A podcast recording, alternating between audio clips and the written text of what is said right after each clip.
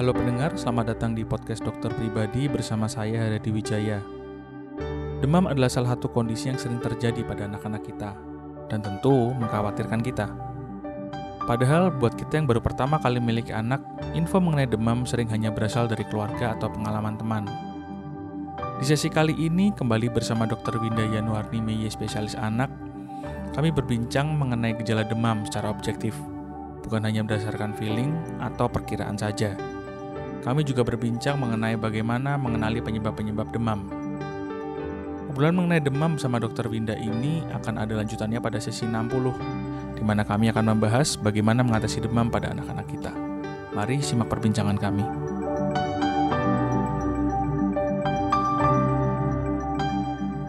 Lagi kita thank you sudah mau menyempatkan waktunya nih kembali lagi ke podcast dokter pribadi ke oh iya sama-sama. Kita kan kalau punya masalah anak nih tanya sama dokter Winda terus sih. Nah uh, gini dok di apa ya kalau bisa kita katakan masalah kesehatan pada anak yang uh, pendengar kita atau mungkin orang kebanyakan awam ini yang sering alami itu uh, ada ini dok demam dok.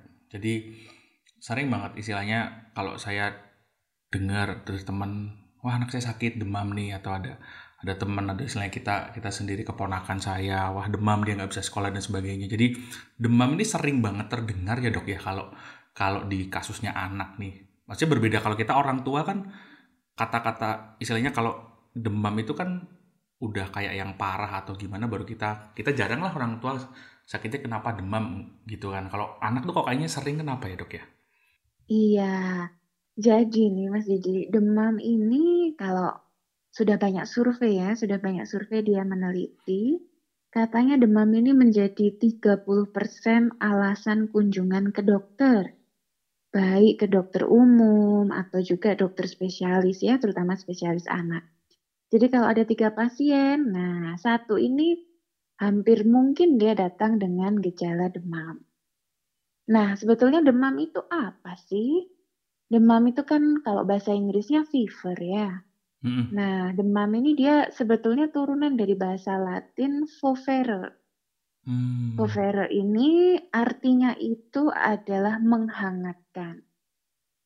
Jadi demam ini sebetulnya adalah respon tubuh atau reaksi tubuh terhadap berbagai macam penyebab di mana dia bereaksi dengan meningkatkan suhu inti tubuh atau core temperatur, core body temperatur. Seperti itu. Oh, berarti nah, ini, itu hmm? uh, sorry saya saya potong. Berarti demam ini iya. sebenarnya adalah memang respon respon tubuh yang sangat normal berarti dok ya? Iya, jadi dia uh, sebetulnya kalau kita mau mengukur betul-betul ya, suhu tubuh kita itu dalam 24 jam itu sebetulnya ada variasinya Mas Didi dikatakan bahwa suhu tubuh terendah itu terjadi pada saat jam 2 sampai dengan jam 6 pagi. Sedangkan suhu tubuh tertinggi itu terjadi pada saat jam 5 sampai dengan jam 7 malam. Nah, jadi suhu tubuh itu juga bervariasi tergantung ada pengaruh hormonal di situ, kemudian ada pengaruh juga uh, tingkat metabolisme seseorang, aktivitas fisik, dan lain sebagainya. Jadi sebetulnya peningkatan suhu itu terjadi. Uh, namun kalau peningkatannya hanya sedikit, kadang-kadang kita tidak terlalu menyadari begitu ya. Hmm. Kalau demam itu terjadi peningkatan suhu tubuh yang berlebihan. Demam kan adalah respon berarti dok Nah, yang yang terjadi pada saat tubuh kita demam itu kenapa? Maksudnya kenapa sampai uh, ada demam, demam. Kemudian, kemudian tubuh kita merespon dengan menaikkan suhu tubuh itu? Mm-mm. Jadi biasanya demam ini penyebab terbanyaknya berkaitan dengan infeksi ya. Jadi kalau infeksi itu kan ada patogen. Patogen itu ada kuman. Baik berbentuk virus, bakteri, atau kadang-kadang ada jamur, ada parasit, ya jenis kuman macam-macam. Nah, ketika ada uh, infeksi, tubuh itu sebetulnya berusaha melawan Nah, melawannya itu dengan melepaskan mediator-mediator inflamasi yang meningkatkan suhu badan atau suhu tubuh sehingga berakibat pada demam. Nah, sebenarnya nih Mas Didi ya, uh, mungkin sebagian momi sudah pada tahu ya, uh, kapan menyebut anaknya demam ya. Hmm. Selain dengan meraba di bagian dahi, wih anaknya panas gitu ya. Ternyata ada pengukuran yang lebih objektif untuk menyatakan apakah seorang anak itu demam atau tidak. Hmm. Ya, yang perlu momi ingat adalah suhu tubuh normal. Suhu tubuh normal anak itu berkisar antara 36,5 sampai dengan 37,5 derajat Celcius.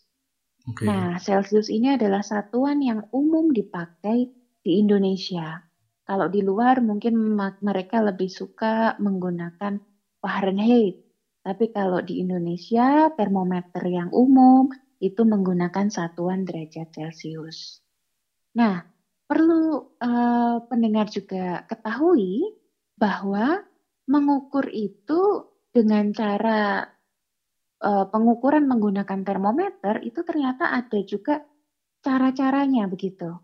Cara dan jenisnya. Jadi termometer yang mungkin kebanyakan dipakai adalah termometer yang diletakkan di ketiak. Iya, betul ya, kayaknya ya, paling, uh, paling semua orang lah. familiar ya, hmm. familiar dengan pengukuran suhu menggunakan apa termometer yang diletakkan di ketiak. Hmm. Ternyata selain di ketiak ada juga termometer yang digunakan di dalam rongga mulut atau oral, oral temperatur, oral termometer ya. Hmm. Kemudian ada juga termometer yang dipakai di rektal. Rektal itu maaf, itu adalah lubang dubur atau lubang anus. Hmm. Kemudian yang sekarang nih ada juga termometer yang dia mengukurnya melalui membran timpani membran timpani itu jadi dia alatnya ada seperti corong kecil ditempelkan di lubang telinga, dekat lubang telinga. Itu uh, beberapa cara atau titik-titik pengukuran suhu tubuh ya. Nah, kita lihat juga termometernya sendiri.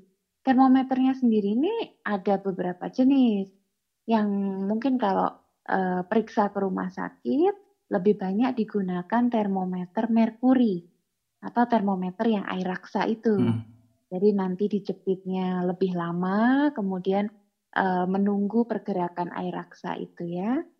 Kemudian ada juga yang mungkin lebih praktikal ya, lebih lebih mudah untuk digunakan karena pengukurannya lebih cepat, kemudian bacaannya juga lebih uh, detail gitu ya itu dengan uh, jenis termometer yang digital. Jadi biasanya setelah ditempel dia ada alarm berbunyi, kemudian bacaannya dalam bentuk digital, bukan uh, seperti termometer air raksa. Ya, jadi itu uh, cara yang mungkin bisa dikatakan paling objektif ya hmm. untuk mengukur, untuk mengetahui apakah si anak ini demam atau tidak itu dengan mengukur suhu tubuh melalui termometer. bukan dengan cuma dengan tangan aja berarti dok ya? Ya, kadang-kadang kan perasaan orang tua, aduh kayaknya ini anget hmm, gitu ya. ya. Ternyata kalau diukur mungkin ya hanya 37 atau 37,2. Hmm. Tapi karena orang tua uh, terlalu khawatir, berlebihan, kadang-kadang definisi demamnya ini menjadi uh, kurang pas begitu ya. Nah, kemudian gini dok, kalau gitu, ketika tadi kita ngomong demam ini kan biasanya adalah reaksi atas ada sebuah infeksi biasanya. Nah, um, sebenarnya yang dikatakan demam ini tanda-tandanya selain uh, kalau panas, antara antara panas misalnya dipegang, dipegang, mm -hmm. dipegang tangan tidak terlalu itu sebenarnya demam ada indikator lainnya nggak dok? Iya, Demam itu ada tanda-tanda yang lain ya. Memang yang paling familiar adalah ya taunya demam ya diukur suhu naik begitu kan. Hmm. Nah, ternyata ada beberapa tanda lain ya yang menunjukkan bahwa seseorang itu sedang demam. Nah, yang pertama yang mungkin uh, sebetulnya kita sudah sering melihat atau sering mengalami ya ketika ada anak kecil yang sakit, anak kecil yang demam itu dia memiliki adaptive behavior. Jadi perilaku adaptif atau apa ya, tindakan yang bersifat adaptif itu dengan cara mencari suhu yang lebih hangat. Contoh okay. ya, contoh nih, uh, ketika demam dia lebih suka dipeluk oleh orang tua, hmm. lebih suka dipeluk oleh mungkin uh, caregivernya ya, hmm, hmm, hmm. karena dia sebenarnya mencari suhu yang hangat. Kemudian hmm. contoh lagi, ketika demam dia lebih suka selimutan. Padahal hmm. biasanya nih anak tidur di ruang AC nggak pernah selimutan. Eh tapi demam kok dia nyari selimut ya. Nah hmm. itu adalah sebetulnya salah satu tanda yang kita sebut sebagai adaptive behavior. Seseorang yang sedang demam. Nah kemudian selain itu ada juga tanda-tanda yang lain Tanda-tanda yang lain ini muncul akibat uh, ketika seorang seseorang itu demam, metabolisme tubuh juga meningkat. Atau kita biasa menyebutnya dengan hypermetabolic state. Jadi metabolisme tubuhnya itu meningkat. Apa tanda-tanda yang bisa diamati? Contoh, ih kalau demam tinggi nih dok, pipinya sampai merah-merah, bibirnya juga sampai, wih, kayak lipstick kan merah banget. Nah itu ya. Jadi itu adalah flushing. Flushing hmm. itu pembuluh darahnya melebar sehingga aliran darah meningkat di bagian-bagian tubuh tertentu. Biasanya yang paling uh, sering diamati adalah pada area wajah, ya. Itu. Terus uh, tanda hypermetabolic state yang lain itu adalah uh, pupil, pupil mata itu berdilatasi. Dilatasi itu pupilnya melebar. Pupil melebar ini membuat apa ya? Mata itu memancarkan pancaran yang lain gitu. Jadi mungkin kalau orang-orang Jawa bilang itu, ih matanya kok sayu, matanya kok kayak mata ngantuk gitu ya, mm-hmm. matanya kok kayak mata melas. Nah gitu ya, itu biasanya yang yang kita sering sering sebut ya. Selain itu, yang tadi masih berkaitan dengan metabolisme tubuh yang meningkat, uh, denyut nadi juga meningkat. Sering orang tua itu sebutkan, dok, dok, kok kalau demam anak saya jadi deg-degan banget ya dok ya? Apa karena apa nih dok, pengaruh jantung kah atau apa gitu kan? Hmm. Nah, itu karena metabolismenya meningkat. Jadi denyut nadinya juga ikut meningkat. Seberapa sih meningkatnya? Meningkatnya itu kalau secara teori itu bisa meningkat 10 sampai 15 kali per menit setiap kenaikan suhu 1 derajat Celcius. Jadi Mas Didi dan uh, pendengar bisa membayangkan ya, kalau suhu normal itu kan batas atasnya 37 setengah ya. Mm -hmm. Nah, ketika si anak itu demam menjadi katakanlah 39 setengah begitu kan, hmm. berarti dia itu uh, denyut jantungnya akan naik sampai dengan 30 kali per menit. Jadi deg-degan banget gitu. Kadang orang tua kan kalau demam suka ngelus-ngelus anaknya ya, ngelus-ngelus dadanya terus, aduh kok jantungnya cepet banget ini, kenapa ini? Nah itu, itu karena dia memang meningkat uh, metabolisme tubuh si anak.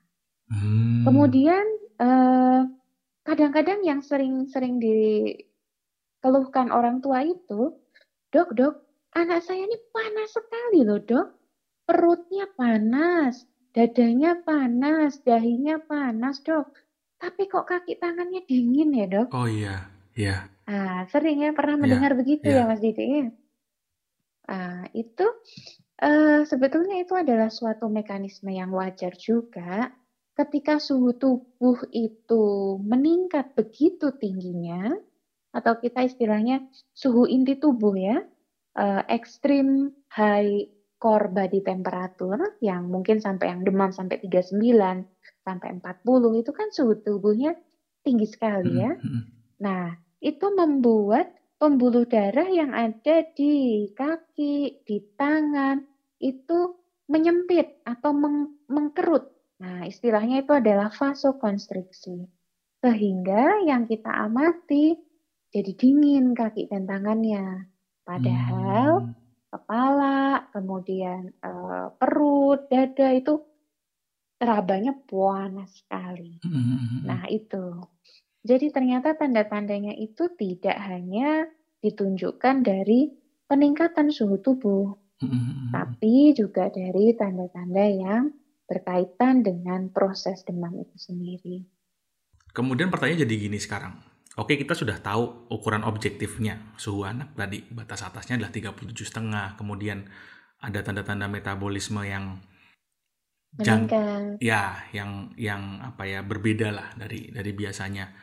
Nah, kemudian hmm. kalau begitu kapan dok kita harus membawa membawa apa ya eh, anak-anak uh, kita ini ke dokter atau ke spesialis anak karena mungkin kan gini mungkin terutama buat teman-teman pendengar yang uh, masih jadi orang tua yang baru atau baru anak pertama kita kan mungkin belum cukup tahu bahwa ada penyakit apa nih atau gimana. Nah ini kapan kita harus istilahnya oh ini demam harus kita bawa ke dokter? Oh iya.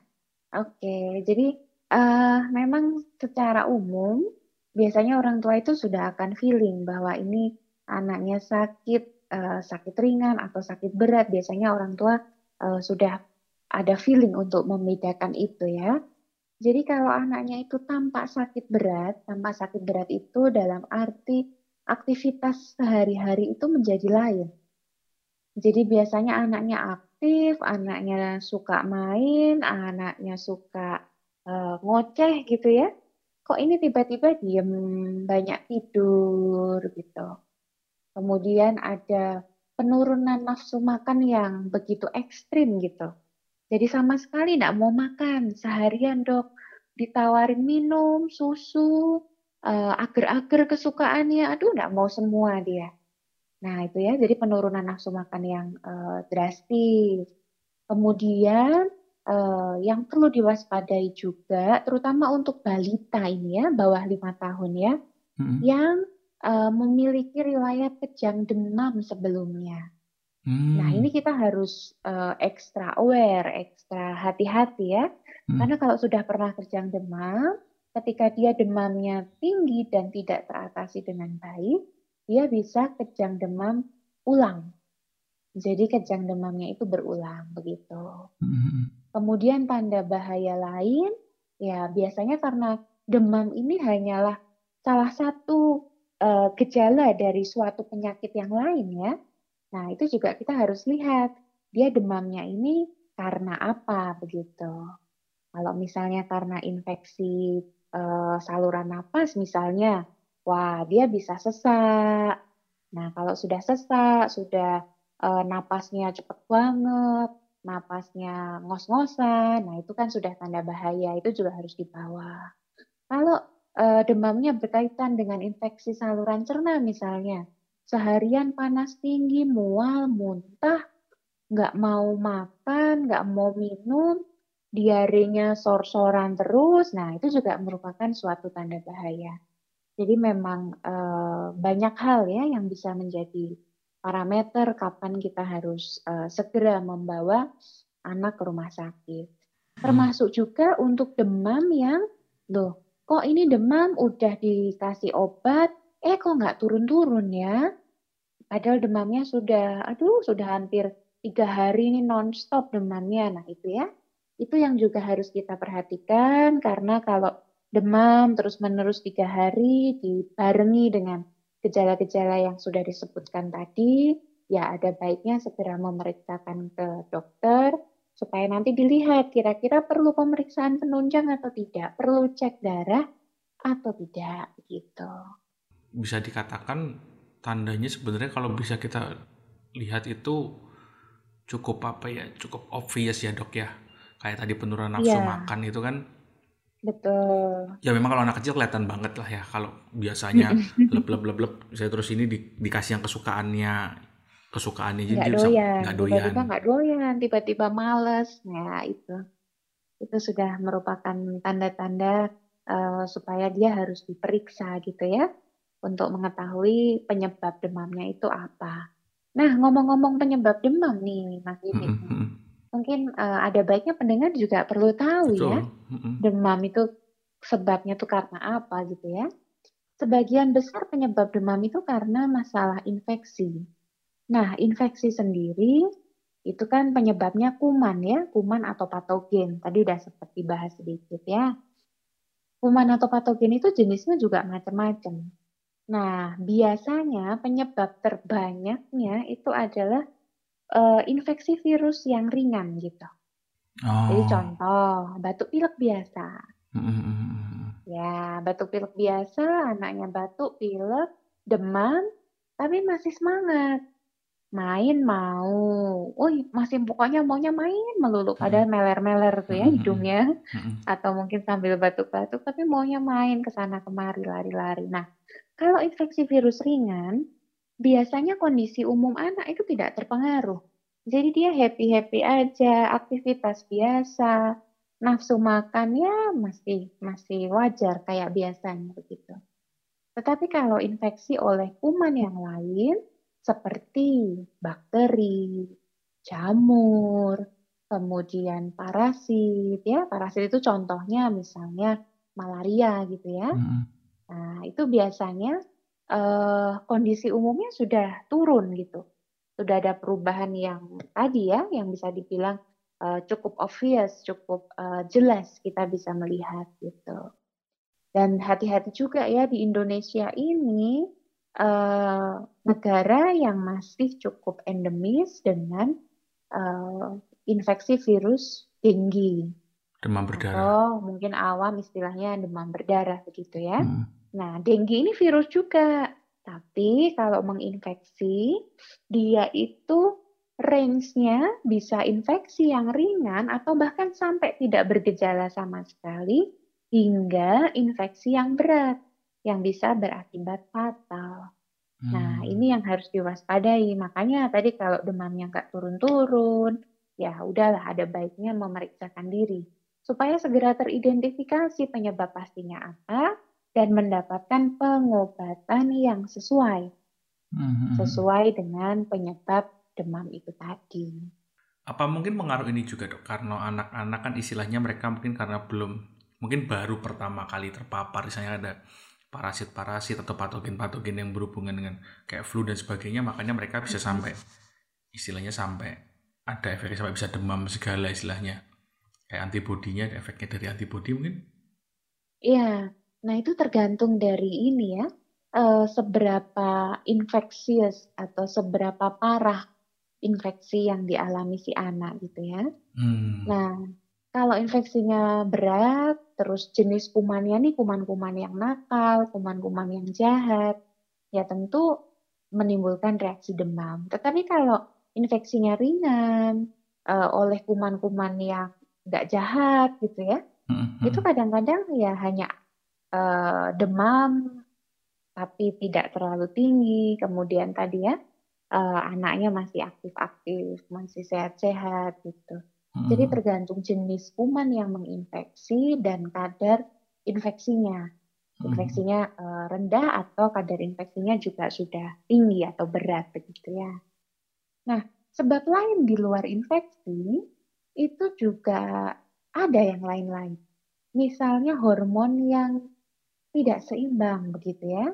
Nah, Oh, contoh yang paling sering terjadi dialami itu hormon tiroid yang meningkat. Karena hormon tiroid ini bikin metabolisme tubuh meningkat. Nah, salah satu tanda metabolisme tubuh meningkat itu adalah demam juga ya. Kemudian ada juga penyebab yang lain yang di luar infeksi, misalnya peradangan. Peradangan itu eh, contoh ya, contoh anaknya tadi main sepedaan dok, terus jatuh. Habis jatuh lecet. Nah, Hmm. habis lecet eh, lututnya doang sih dok yang lecet, tapi kok badannya malam tuh jadi anget ya dok ya. Mm, mm, mm, mm. Nah, itu ya, itu karena proses peradangan bisa juga peradangan akibat eh, apa luka-luka lecet atau mungkin luka sobek seperti itu. Atau Hmm. mungkin yang paling cukup sering juga nih, "Duh, dok, habis imunisasi kok demam ya dok, saya Nah, jadi takut ini. Iya, Nah itu iya. ya, Ha, itu betul. juga kadang-kadang sering sekali di di apa di keluhkan -hmm. begitu ya. Nah, kalau kaitannya dengan imunisasi, karena tadi kita di awal sudah jelaskan kalau demam itu sebetulnya adalah reaksi tubuh ya. -hmm. Jadi kalau imunisasi itu kan uh, seseorang mendapatkan vaksin, contoh ya, contoh imunisasi campak gitu ya. Dia mendapatkan vaksin campak. Nah, vaksin campak ini adalah vaksin yang sudah uh, diolah dari virus campak, sehingga kalau vaksin ini dimasukkan ke tubuh anak, daya tahan tubuh itu terangsang, tetapi tidak menimbulkan kesakitan, tidak menimbulkan penyakitnya. Jadi dia dapat imunitas untuk campak tanpa harus sakit campak. Nah, hmm. Nah, itu adalah gambaran umum tentang vaksin ya. Ya, hmm. penyebab demam memang ada banyak ya. Setelah mengetahui bagaimana caranya mengenali demam pada anak-anak kita, tentunya kita juga harus mengetahui bagaimana cara mengatasinya.